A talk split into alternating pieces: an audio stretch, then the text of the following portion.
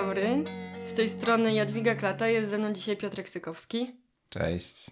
To jest możliwy podcast Jadwigi Klaty. Będziemy dzisiaj opowiadać o opowieściach.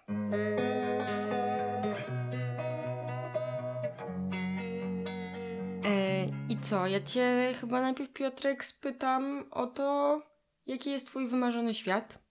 Bo to jest takie pytanie, które zadaję każdej osobie, która tutaj przychodzi i siada przed tym mikrofonem.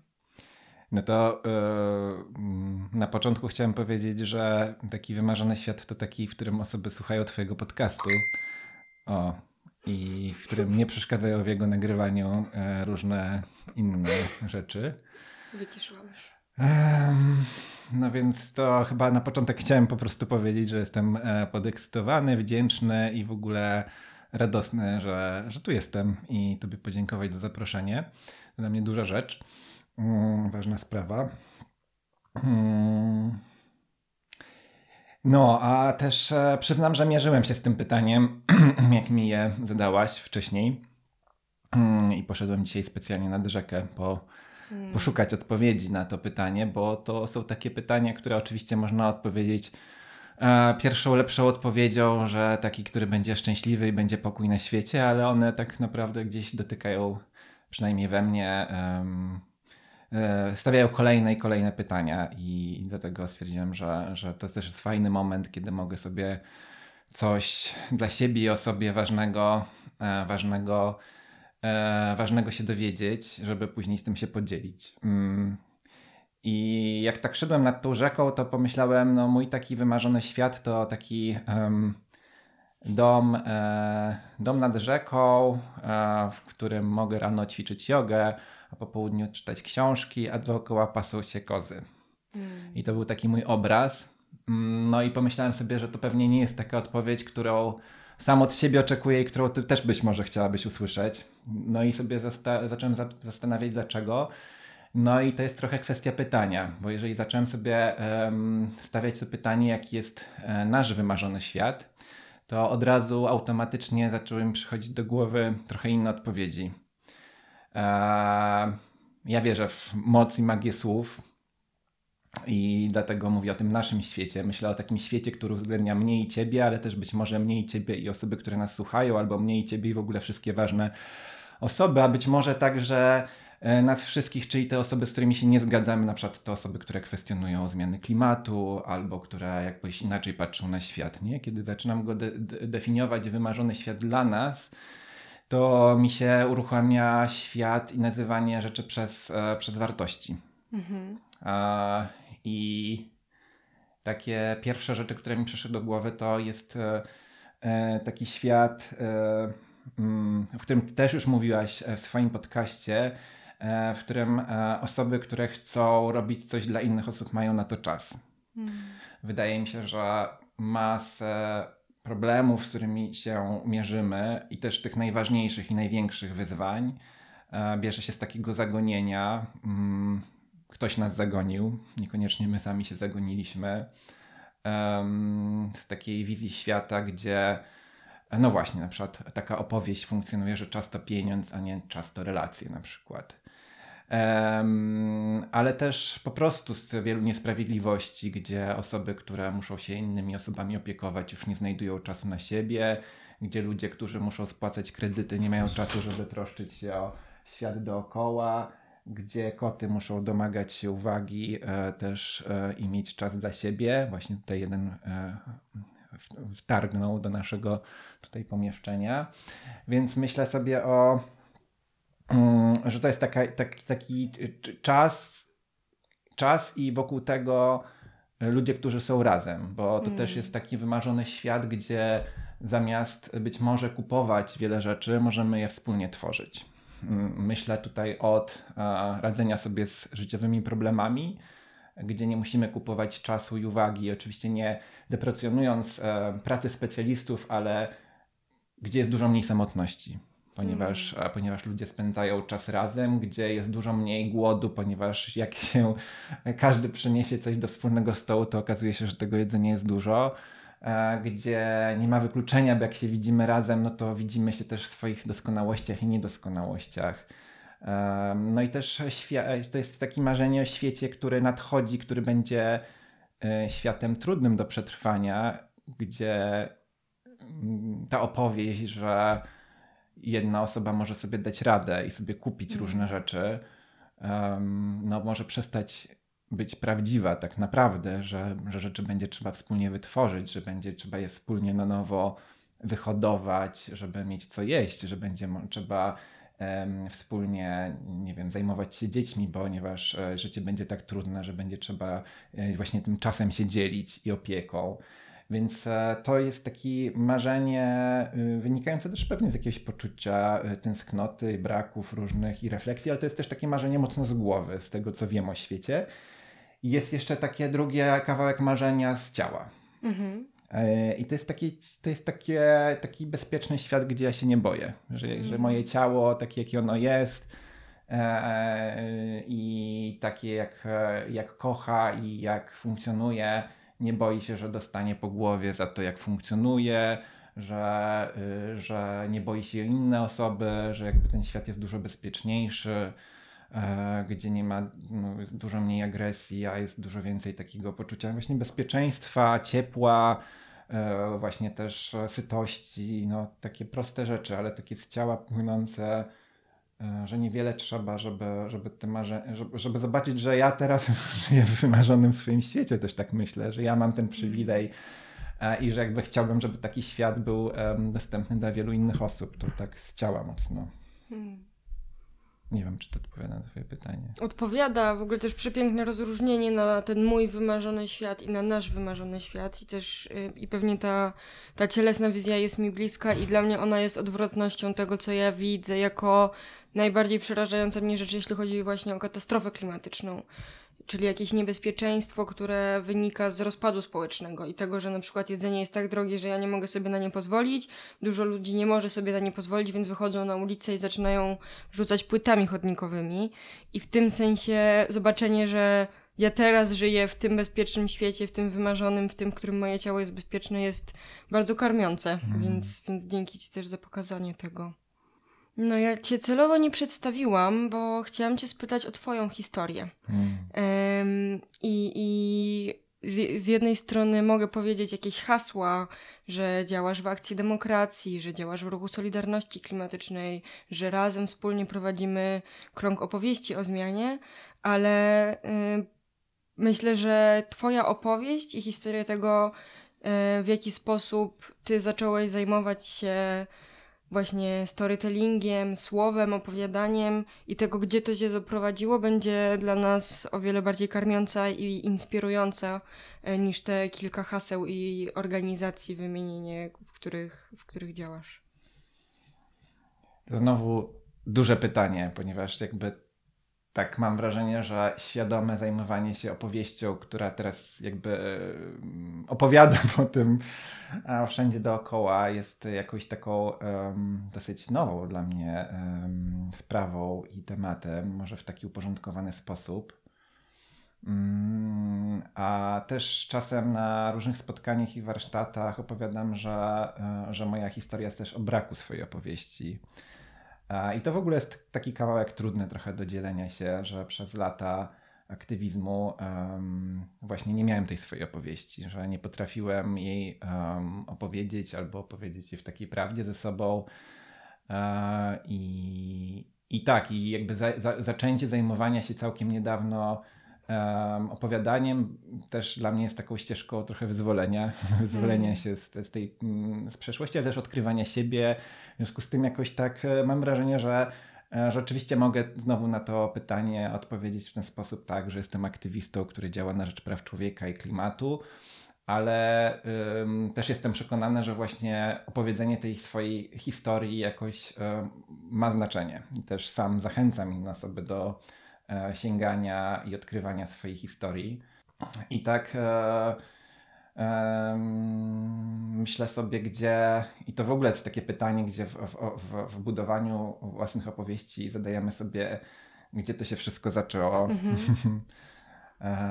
czy w ogóle w tym życiu, może jeszcze w przeszłym, w takich bliskich mi teraz opowieściach, które słyszę o świecie, no to jesteśmy też kontynuacją tego, co było przed nami i że to, to co robimy i jak działamy, to, to niesiemy też jakiś bagaż i, i historię mm, osób, które były przed nami, naszych przodków, ale tak daleko jeszcze nie sięgam i, hmm. i też szczerze odkrywam te, te, te, opowieści, chociaż no, jestem przekonany, że, że bliskie mi osoby w olbrzymi sposób wpłynęły na to, że, e, że, że zdecydowałem się e, zaangażować w, w działania społeczne, mm, że jakby to było jakieś e, pomaganie innym było czymś, o czym słyszałem w domu, o jakiejś takiej potrzebie, wartości tego, że nie było w tym jakiejś takiej sprzeczności.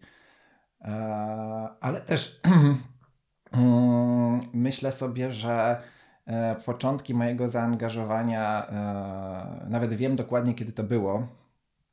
I jak to mówię, to już teraz e, coraz mniejszą, jakimś taką większą obawą, ponieważ było to naprawdę bardzo dawno temu. Mm. To był marzec 1999 roku, ponieważ. Wow. Nie, czerwiec, przepraszam. Marzec, czerwiec. No to wiosna, jeśli już mówisz 1900, to już dalej nie ma znaczenia za bardzo.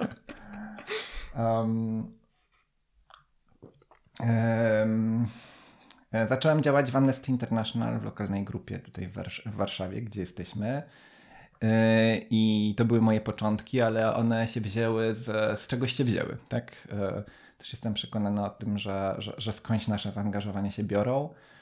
Mm, I one się wzięły z poczucia osamotnienia w szkole, w liceum, do którego chodziłem, z tak zwanego dobrego warszawskiego liceum. E, gdzie znowu opowieścią o tym, jak ma wyglądać moja przyszłość, to było tak w dużym uproszczeniu robienie kariery w, w, garniturze i pod krawatem. Ja sobie mm. wtedy jakoś tak zdałem sprawę mocno, że trafiłem chyba nie to miejsce, gdzie potrzeba, mm. bo ja bardzo nie chcę w życiu tego robić. Mm, I tak e, wtedy jakoś pierwszy raz usłyszałem takie hasło jak wyścig szczurów. Jak ktoś usłyszał skąd jestem, z jakiej szkoły, i tak pomyślałem, oho, coś tu jest na rzeczy. I zacząłem w mm. ogóle um, przy braku powszechnego dostępu do internetu e, e, zastanawiać się, co to znaczy. Um, no i jakby bardzo szybko zorientowałem się, że to chyba to nie jest coś, czego chcę być częścią. Mm. no a drugi kawałek takiej historii było też duże poczucie osamotnienia w związku z tym, że zdałem sobie już wtedy na 100%, chociaż chyba wcześniej dużo sobie zdałem sprawę, że jestem osobą nieheteronormatywną i że w tym świecie, jak on wtedy wyglądał, bardzo mi trudno było z tym funkcjonować otwarcie i, e, i jakby bardzo szukałem jakichś przestrzeni akceptujących dla mnie. Mm. I wydawało mi się, że ruch praw człowieka właśnie jest takim miejscem, gdzie będę mógł bardziej w pełni, e, bardziej w pełni być sobą i znajdę osoby, które nie będą kwestionować tego, e, kim jestem i będą mi towarzyszyć w mojej drodze odkrywania siebie. Um, tak, więc to poczucie takiego, takiego naprawdę osamotnienia, e, no to tak w Polsce internet się wtedy zaczynał. Mhm. Um, telefony komórkowe się też wtedy zaczynały. To tak, żeby sobie trochę samemu opowiadam to, żeby sobie uzmysłowić, jak ten świat wyglądał inaczej e, i jak e, w związku z tym takie poczucie być może osamotnienia i chęci bycia z ludźmi podobnymi do mnie inaczej mogło się manifestować niż mhm. w dzisiejszych czasach. To jest kawałek mojej historii. Oczywiście bardzo dużo się przez te ostatnie 20 lat wydarzyło. Mm. um, przez lata działałem właśnie na rzecz praw człowieka. Tak, później zacząłem w pewnym momencie szukać takiej naprawdę, zadawać sobie pytania, E, zadawać sobie pytanie, co jest tak naprawdę dla mnie ważne, wracać do jakichś e, mm, dziecięcych fascynacji przyrodą, takich pierwszych wyborów, jak właśnie um, klasa ekologiczna w liceum, studia z ochrony, e, z ochrony środowiska, że to gdzieś też zawsze we mnie było.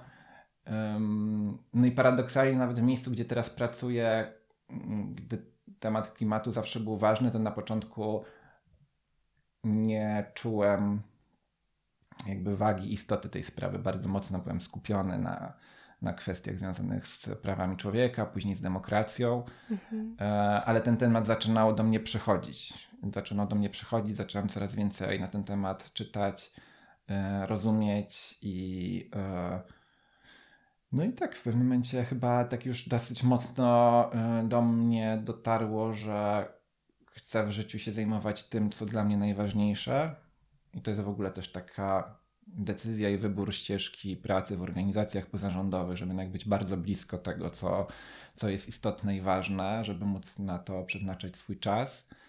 A, a teraz jakby no, uważam, że nie ma ważniejszych rzeczy mm, dla ludzi niż zajęcie się tematem katastrofy klimatycznej i ekologicznej. E, I bardzo się cieszę, że jestem w takim miejscu, gdzie też mogę się tym zajmować, ale też, że, że chcę i czuję potrzebę jakby zajmować się tym również poza godzinami mojej pracy w ruchu Solidarności Klimatycznej. No, a powieści przyszły jakoś w międzyczasie. Mhm. Opowieści przyszły i one zagościły też w ruchu Solidarności Klimatycznej, bo okazało się też, że to jest coś, co nas łączy. I chciałam się ciebie spytać o to, czy one zagościły, w sensie one zagościły u ciebie i się nimi zajmujesz teraz. Zajmujemy się nimi też razem. I to ci wydaje retoryczne pytanie, ale chcę ci je zadać, żebyśmy mogli udowodnić naszą tezę, którą mam tutaj, z którą przyszłam. E, Mianowicie, czy opowieści mogą wpływać na zmianę społeczną? Czy opowieści, że tak użyję tego wyrażenia, którego tak bardzo nie lubię, mogą uratować świat? Albo jak mogą nas wesprzeć? O. Znowu na Twoje pytanie można odpowiedzieć, że tak powiem, z podręcznika. Tak, wiemy, że opowiadanie historii em, jest e, czynnością em, bardzo bliską psychice człowieka. W ogóle być może sprawiło ewolucyjnie, że jesteśmy tym, kim jesteśmy, i prawdopodobnie mowa sprawiła, że poszliśmy o krok dalej, a później już e, gdzieś indziej niż e, szympansy na przykład, które nie wykształciły mowy. E, Więc a, opowiada, a potrzeba opowiadania i ona ten dała ewolucyjną przewagę w postaci e, przekazywania lekcji sobie nawzajem o tym, co o zagrożeniach, o tym, co było. Warto pamiętać, że już te e, na przykład szympansy mają to życie społeczne, ale jakby nie potrafią, znaczy też dziedziczą pewne rzeczy, ale nie potrafią jakby no, w dłuższej perspektywie opowiadać, e, jakby przekazywać tej, tej wiedzy i doświadczenia, chociaż są, były też eksperymenty z uczeniem mowy i, e, i takich bardziej e, skomplikowanych konceptów wyrażania, ale to zostawmy biologię. Więc można by odpowiedzieć i przyjrzeć się temu, jak, jak wpływa na nas świat reklamy i jak wpływa na nas świat rozrywki, że to zbudowany jest na opowieściach, więc wnioskując z tego, skoro świat biznesu tak mocno inwestuje w, w opowieści po to, żeby zyskiwać naszą uwagę i przekierowywać ją i wpływać na nasze decyzje, no to z pewnością wykorzystywanie tych samych narzędzi w działaniach na rzecz zmiany będzie przynosiło o, o, o podobny skutek. Różnica jest taka, że tam są wielkie zasoby finansowe, a tutaj musimy, czy chcemy wypracować to e, własnymi siłami e, i jest to być może o tyle e, trudniejsze wyzwanie. Natomiast znowu jest to trochę takie pytanie filozoficzne, jak sobie o nim chwilę pomyślałem i do którego coraz bardziej jestem przekonany, że świat jest opowieścią.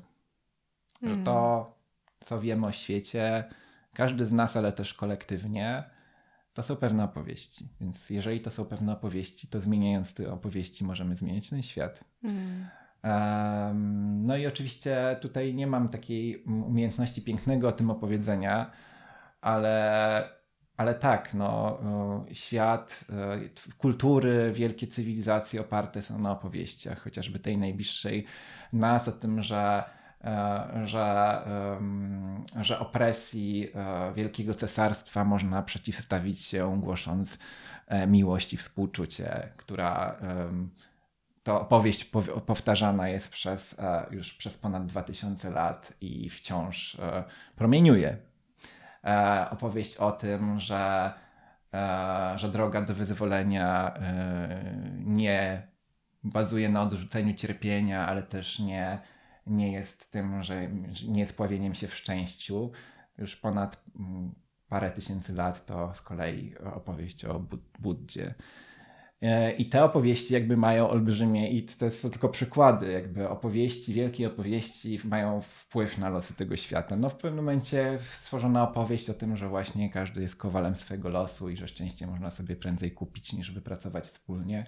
Też jest jakąś powieść opowieścią, która z kolei eksploatuje ten świat i nasze zasoby w dużym uproszczeniu oczywiście, więc ja jestem przekonany, że świat jest złożony, coraz bardziej jestem przekonany, że świat, że to jak rozumiemy, że, każdy, że nawet nasze życie jest pewną opowieścią i a, którą później potrzebujemy komuś opowiedzieć i być może trochę ją zmienić, a, czy korzystając z wsparcia społeczności, czy terapii, że to są też historie, które słyszymy o sobie właśnie w, będąc młodymi ludźmi. Dlatego jestem przekonany, że przyglądanie się opowieściom i to, co opowiadamy innym osobom i jak reagujemy i chcemy zmieniać też te opowieści, które są wokół nas, no bez tego się nie da zmienić w, rzeczywistości. Hmm.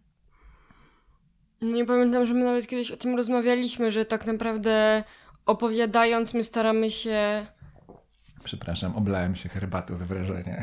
Nie pamiętam, że my kiedyś rozmawialiśmy o tym, że, y, że tak naprawdę świat nie ma za bardzo sensu, albo że nie ma czegoś takiego jak taki sens nadany, tylko że my opowiadamy mm. i w ten sposób staramy się z na przykład różnych wydarzeń jakiś sens wyciągnąć. Mm, I w tym sensie, jak my opowiadamy, no to my to znaczenie stwarzamy. No, i to y, pięknie ujmuje Will Storr, który napisał taką książkę Nauka opowiadania, który mówi o tym, jak właśnie z takiego, e, no, tego tej próżni wszechświata wy, wyłania się opowieść człowieka o tym świecie i że tak naprawdę no, człowiek sobie opowiedział sens swojej egzystencji, ale też w głębokich naukach buddyjskich ta E, ta, e, ta koncepcja dwóch e, wymiarów czasu, tego naszego czasu ludzkiego, historycznego, w którym funkcjonujemy, zanurzeni w opowieściach, w historiach, w historii też no nie, powszechnej, narodów, kultur, naszych przodków, naszych rodzin i patrzymy w tym dystansie i w tym dystansie myślimy o zmianie. I później jest opowieść zupełnie inna o świecie i o Ziemi jako organizmie, który żyje ale który też ma kiedyś swój koniec, a w związku z tym, ponieważ wszystko na świecie ma swój początek mm. i koniec, to wszystko, co znamy i co jesteśmy w stanie ogarnąć naszą, e, naszym, e, naszym intelektem, ma też jakiś koniec. W związku z tym, z tego można z kolei wywodzić taką opowieść o tym, że każde nasze działanie ma znaczenie i to na podwójnym um, poziomie. Znaczy, możemy wpływać na losy tej historii naszych najbliższych osób, naszych społeczności. Um, poprzez właśnie opowiadanie o tym, jak było, do jakich wartości się odwołujemy, jakie wartości chcemy ze sobą nieść, jak, e, jaką wrażliwością, czy też brakiem wrażliwości traktujemy inne istoty i to też są, e, to też są historie. E, po takie rozumienie głębsze świata i opowieść o tym właśnie, powiedzenie, opowiedzenie o o Ziemi jako czującej istocie, wielkiej, potężnej, pełnej miłości, jest zupełnie czymś innym niż opowiedzenie o Ziemi jako e, miejscu pełnym zasobów, hmm. które można wydobywać. Albo w ogóle nie opowiedzenie o Ziemi. Albo nie opowiedzenie o Ziemi, tak. Hmm. No dobrze, to teraz trochę z takiego planu filozoficzno-dużego przeszłabym do tego, jak to się realizuje w nie wiem, w praktyce, bo okej, okay, opowieść jest tym, w jaki sposób możemy rozumieć świat i w tym sensie, jak opowiadamy, to możemy otwierać się na nowe bycie w tym świecie, na przykład takie, które właśnie rozpoznaje Ziemię jako y, nasz dom, albo nie wiem, naszą mamę, albo naszą siostrę, albo po prostu istotę, z którą jakoś współistniejemy obok siebie i która nas karmi na przykład. No a z drugiej strony opowieści mogą też mobilizować już konkretnie do działania. I jest taka metoda, um, którą się posługujemy obydwoje, narracji publicznej. Chcę, żebym ja o niej opowiedział. I chciałam się spytać, czy możesz powiedzieć kilka słów o tym, co to za metoda, hmm. kto ją wymyślił i, i na czym ona polega. Hmm. No i tu znowu sięgnę do historii. Dlaczego dla mnie to jest ważne? Jakby jak kiedy do, do, do trafiłem na tą, e, na tą metodę, szukając sposobów e, tworzenia zaangażowanych społeczności. To był taki moment w mojej pracy i też trochę w, no tak, taki, takiego szukania narzędzi do, do, do, do, tworzenia zaangażowanych społeczności. Ktoś e, mi podpowiedział, a tutaj metoda Marshalla Gansa, to może jak będzie okazja, to się tego nauczysz, bo to może być przydatne. I dlaczego spośród wielu innych metod znowu ta. Internet jest pełen teraz kursów, szkoleń, budowania, organizowania, zmieniania. Dla mnie jakoś ważne są korzenie.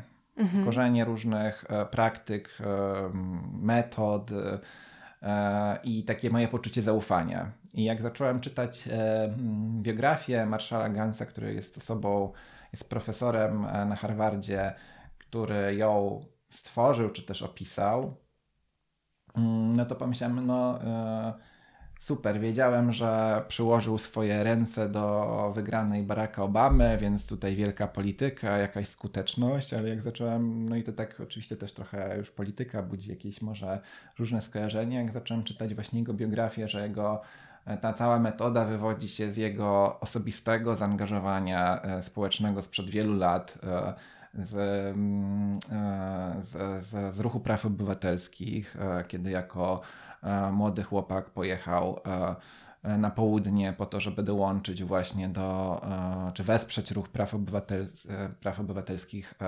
czarnych mieszkańców Stanów Zjednoczonych, jak podjął decyzję, że, że to jest ważniejsze niż kontynuowanie jakiejś swojej kariery, gdzie później wykorzystywał i rozwijał te różne swoje przemyślenia, e, działając w ruchu e, praw rolników.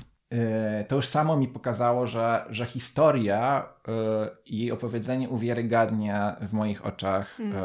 osobę i metodę, której nawet super nie znałem. I jakby dla mnie zbudowało poczucie, ok, to nie jest coś, co ktoś chce mi sprzedać, tylko to jest coś cennego, czym ktoś chce się E, ze mną podzielić. E, więc e, trochę powiedziałem o twórcy, Marszalu Gansu. Ja go tylko miałem okazję internetowo poznać, który no, opisał jakby na bazie swoich doświadczeń, ale też później studiów, które ukończył w Harvardzie i zrobił doktorat z nauk społecznych, mm, to w jaki sposób organizować ludzi do działania i jak przeprowadzać zmianę i opisał taką całą pięcioelementową strukturę wprowadzania zmian, do których bardzo potrzebni są ludzie. Znaczy taka zmiana, jak my to mówimy, napędzana ludźmi, people power, nie przychodząca gdzieś z góry, nie, nie, nie, nie lobowana, nie jakimiś interesami, tylko zaangażowaniem, e, zaangażowaniem osób. I to, o czym mówi Gans, że często w ruchach i organizacjach społecznych mamy świetnie rozpracowaną strategię, jesteśmy bardzo dobrzy w takie intelektualne rozkminy. Nawet mamy czasem dostęp do zasobów albo wiemy, jakie, e, jak je uzyskać, chociaż tam różnie bywa, ale no, jakoś sobie radzimy, bo to jest taki kawałek związany z naszym um, intelektualnym rozumowaniem i organizowaniem rzeczy. Natomiast e, brakującym elementem jest właśnie zaangaż prawdziwe zaangażowanie osób, które jest z innej kategorii poznania, a nie z kategorii tej e, jakby naszej intelektualnego rozkminy, jak pewne rzeczy zrobić i przeprowadzić, tylko dotarcie do serc innych osób po to, żeby chcieli za tą zmianą podążać.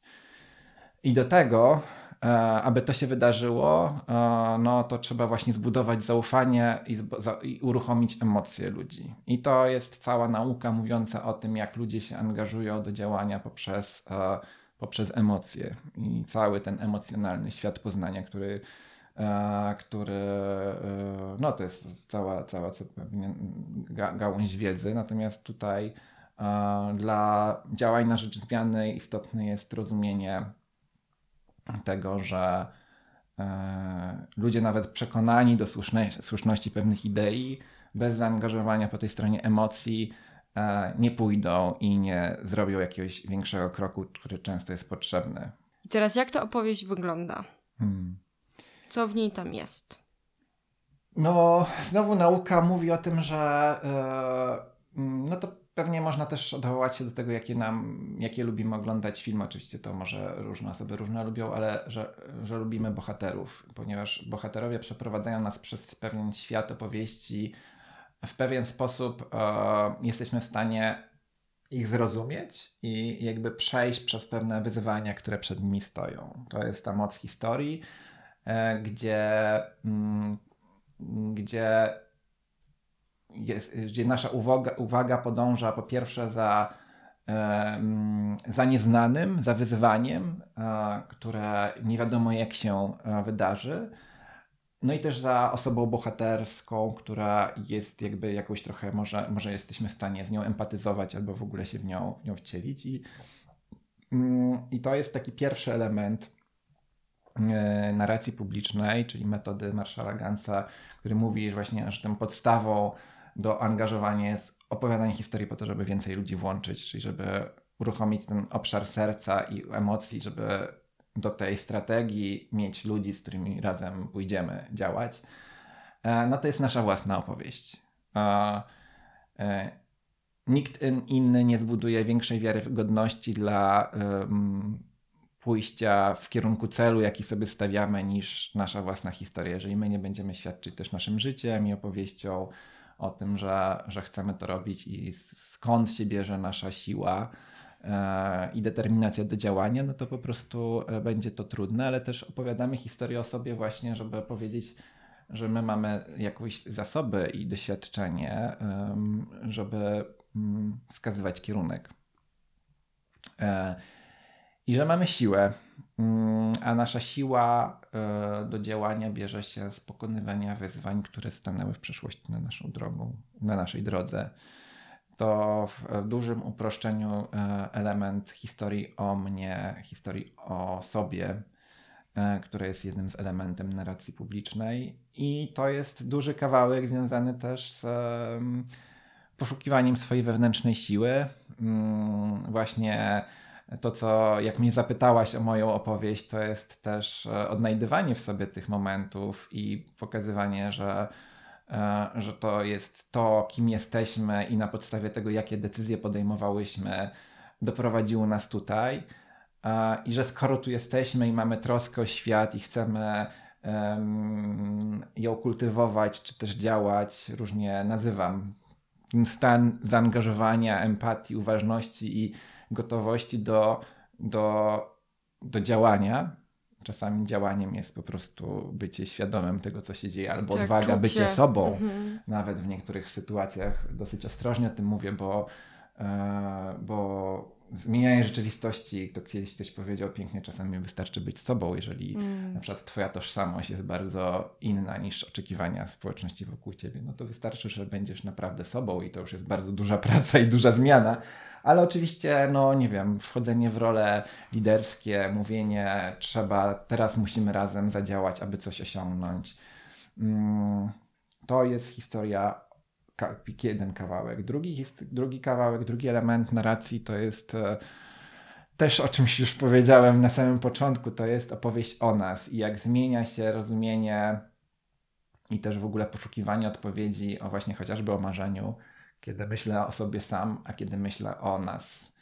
E, e, I opowieść o nas mm, mm, służy opowiedzeniu o wartościach mm, służy uwspólnieniu rozumienia, kim jesteśmy my. Mm. Nie przez pryzmat, e, nie wiem, osób dyskryminowanych, e, e, młodych, którym starzy zafundowali katastrofę klimatyczną, czy też czarnych, czy, czy jeszcze innych, tylko osób, które w jakiś sposób przed którymi stoi jakieś wspólne wyzwanie, które w jakiś sposób rozumieją ten świat, i chcą na niego reagować. Ja to takimi słowami opowiadam, bo to, bo to prowadzi nas właśnie do takiego nazywania e, tego świata przez pryzmat wartości i uwspólnienia i też zrozumienia, że wokół jest więcej osób, które te wartości podziela, nawet jeżeli jeszcze nie do końca wiedzą, co z tym do końca mm. zrobić, albo w jaki sposób mogą te wartości realizować. Bardzo często mówią, ludzie mówią, no tak, ja się z tym zgadzam, ale co ja mogę zrobić? Ale to, że ty się już z tym zgadzasz i że y, widzisz, że, y, że nasz świat płonie, że nasz dom płonie y, i że masz jakąś chęć, w ogóle pomysł, że coś z tym można zrobić, jest już jakimś punktem zaczepienia, że my jesteśmy jakimś wspólnym my, które być może y, potrzebuje jeszcze jakiegoś impulsu, żeby, y, żeby, żeby zadziałać. Mm.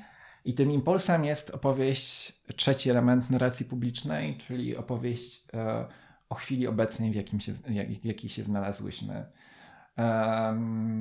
I e, na tą opowieść składa się e, składa się z kolei opowieść o, o tym wyzwaniu, jakie teraz przed nami stoi i to jest e, próba, mm, próba czy też pomysł, jak opowiedzieć o rzeczach, które mogą się wydawać odległe, mm, sprowadzenie ich tu i teraz.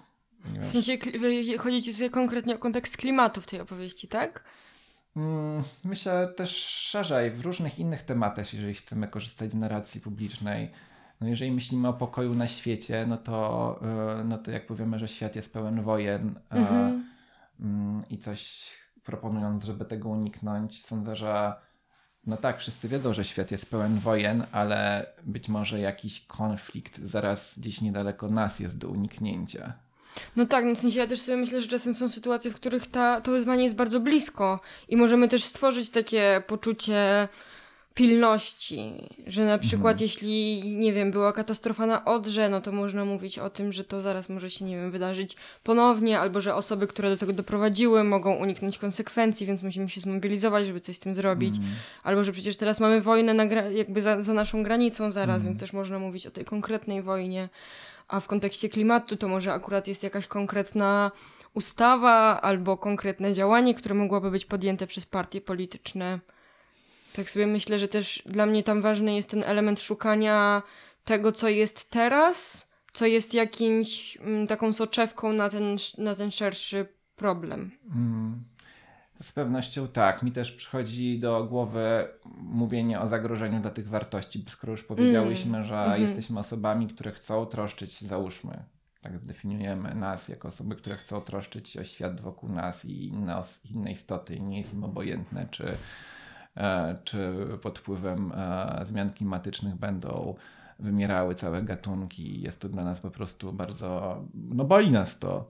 No to pytanie, czy E, czy widzimy wokół siebie takie zjawiska? No i oczywiście, że widzimy. Widzimy, mhm. jak e, dzisiaj spacerując nad, e, spacerując nad Wisłą, widziałem olbrzymie, olbrzymie połacie zarośnięte nawłocią, która po prostu sprawia, że nie rosną zupełnie inne, inne gatunki. Mm. W związku z tym swój dom straciło masę owadów, które mają już i tak coraz trudniej z wyniku E, zatrucia środowiska i że no ja mam w tym, dla mnie to jest takie poczucie zagrożenia utraty tego, co jest piękne i co jest ważne mm. i ja to mm. widzę tu i teraz, że to się dzieje, że to nie jest gdzieś, że ten świat za 10 lat będzie wyglądał gorzej, on już na moich oczach. I to być może jest ten właśnie mały kawałek, ale to jest element większego puzzle, jak ten świat się zmienia bardzo szybko i że ja to dostrzegam wokół siebie Drugim kawałkiem, żeby nie było tak smutno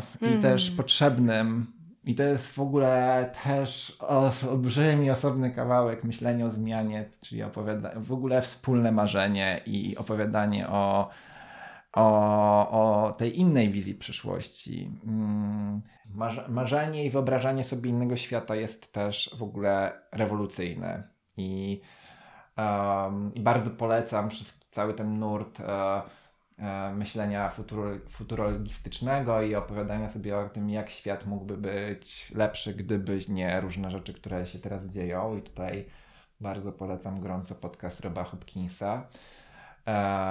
Też takiego działacza społecznego, który rozmawia z różnymi osobami, jak ten świat właśnie mógłby wy wyglądać lepiej, gdyby nie było na przykład systemowego rasizmu, gdyby e, bobry wróciły w, w Wielkiej Brytanii do rzek. E, takie różne zmiany w naszej rzeczywistości jakby totalnie ją zmieniały. I to jest potrzebne po to, żeby e, w ogóle móc projektować i wyobrażać sobie właśnie ten świat, e, w jaką stronę my chcemy go popchnąć, w jaką stronę my chcemy zmierzać.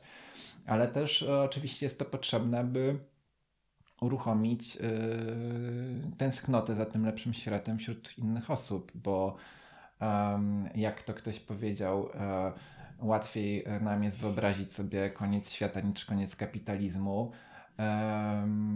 No ale ludzie w przeszłości naprawdę mieli wspaniałe wizje, poza tym, że mieli również różne niewspaniałe wizje, które um, przynosiły ludziom um, um, wyzwolenie, um, które przynosiły ludziom ulgę od cierpienia, które zmieniały całe systemy kultury.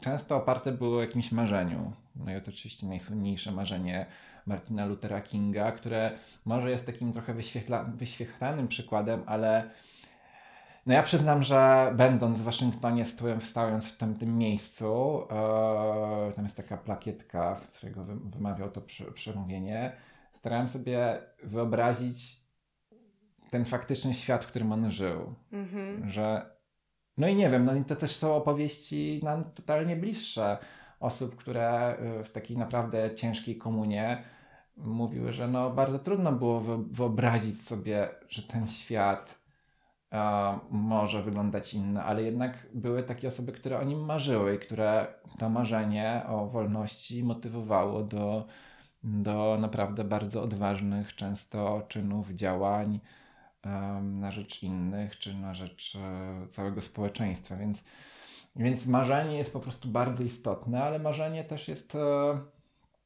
Um, marzenie też jest potrzebne po to, żeby wywoływać właśnie znowu też jakieś emocje i też po to, żeby dawać nadzieję.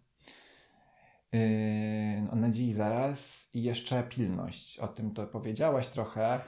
Yy, jednym z takich, to już jest klasyka, tym co uruchamia ludzi yy, jest poczucie pilności tego, że nie ma więcej czasu, że coś zaraz jakaś okazja nam hmm. ktoś ją sprzątnie sprzed nosa że coś dzieje się tu i teraz, a nie, a nie za kiedyś. I to na to jest oczywiście wiele badań, ja to też ze swojej pracy wynoszę, ale mm, ostatnio też na warsztatach rozmawialiśmy z osobami, jak to się, jak jest, to się stało, że się znalazły na tych warsztatach i co drugie opowieści było no wypełniałam tą aplikację naprawdę na ostatni moment, bo ktoś mi mm -hmm. powiedział, a ja już stwierdziłam, że już nie mogę tego dłużej odkładać wiele decyzji w naszym e, życiu podejmujemy, że tak powiem, e, na ostatni moment, albo też e, no ten ostateczność jakiegoś momentu sprawia, że podejmujemy jakąś mm. aktywność, że wcześniej nam się nie chce, nie mamy sił, nie mamy motywacji, więc no tak, też... poczucia pilności jest po prostu czymś, co wyzwala społeczną energię. Oczywiście jest druga strona medalu, że w tym świecie zapędzonym jesteśmy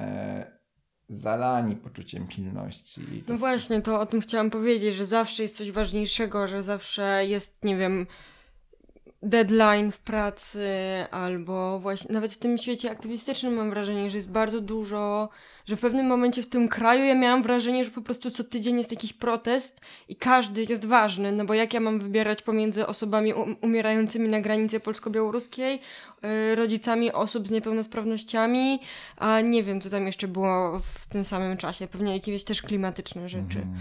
Więc, więc no tak, tak, jest, wszystko jest pilne i, i, i bardzo trudno jest bez takiego naprawdę zbudowania poczucia, że w tym momencie ta sprawa akurat musi być załatwiona, no, żeby zmobilizować ludzi. Tym bardziej, że jesteśmy też w takim.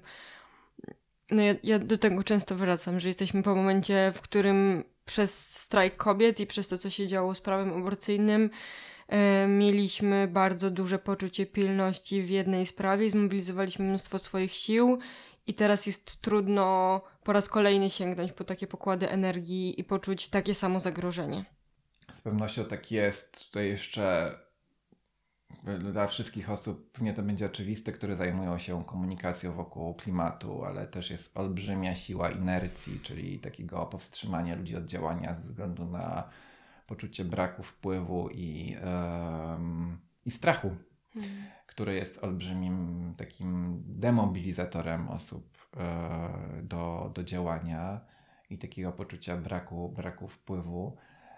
I oczywiście życie w ciągłym poczuciu pilności no, nie jest tym, co, co chcemy osiągnąć, ale, no, ale trochę tak jest i to jest kwestia też, um, mi się wydaje, że tutaj odwołania się do wartości, do mówienia o tym, które, które wartości możemy utracić przez to, że, że tą konkretną, że tą konkret, że w tym konkretnym momencie nie zadziałamy. I wydaje mi się, że, że sprawa klimatu jest taką, i to, to też słyszę i w co, w co głęboko wierzę, jest taką sprawą no, nadrzędną. I oczywiście bardzo trudno to też jest mówić w takim świecie aktywistycznym, gdzie mówimy o takiej mocnej intersekcjonalności, połączeniu wszystkiego ze wszystkim i też takiej potrzebie reagowania bieżąco e, na, na wydarzenia, ale mm,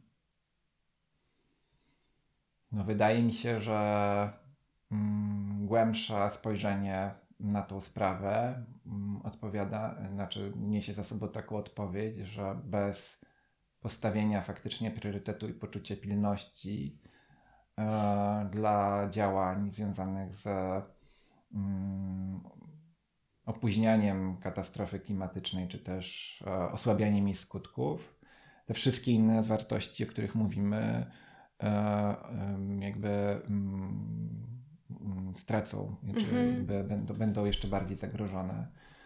I stąd, e, stąd ja mam takie przekonanie o tej możliwości grania pilnością w, w mówieniu, ale oczywiście też to jest wielkie wyzwanie w kontekście akurat klimatu, ponieważ przez lata byliśmy karmieni opowieścią, że klimat to jest coś, e, katastrofa klimatyczna to jest coś, co się wydarzy mhm. kiedyś, to się wydarzy gdzieś, że to się może, że to jakieś przyszłe pokolenia, że, że w ogóle to... 2050. 2050, więc jeszcze dużo czasu.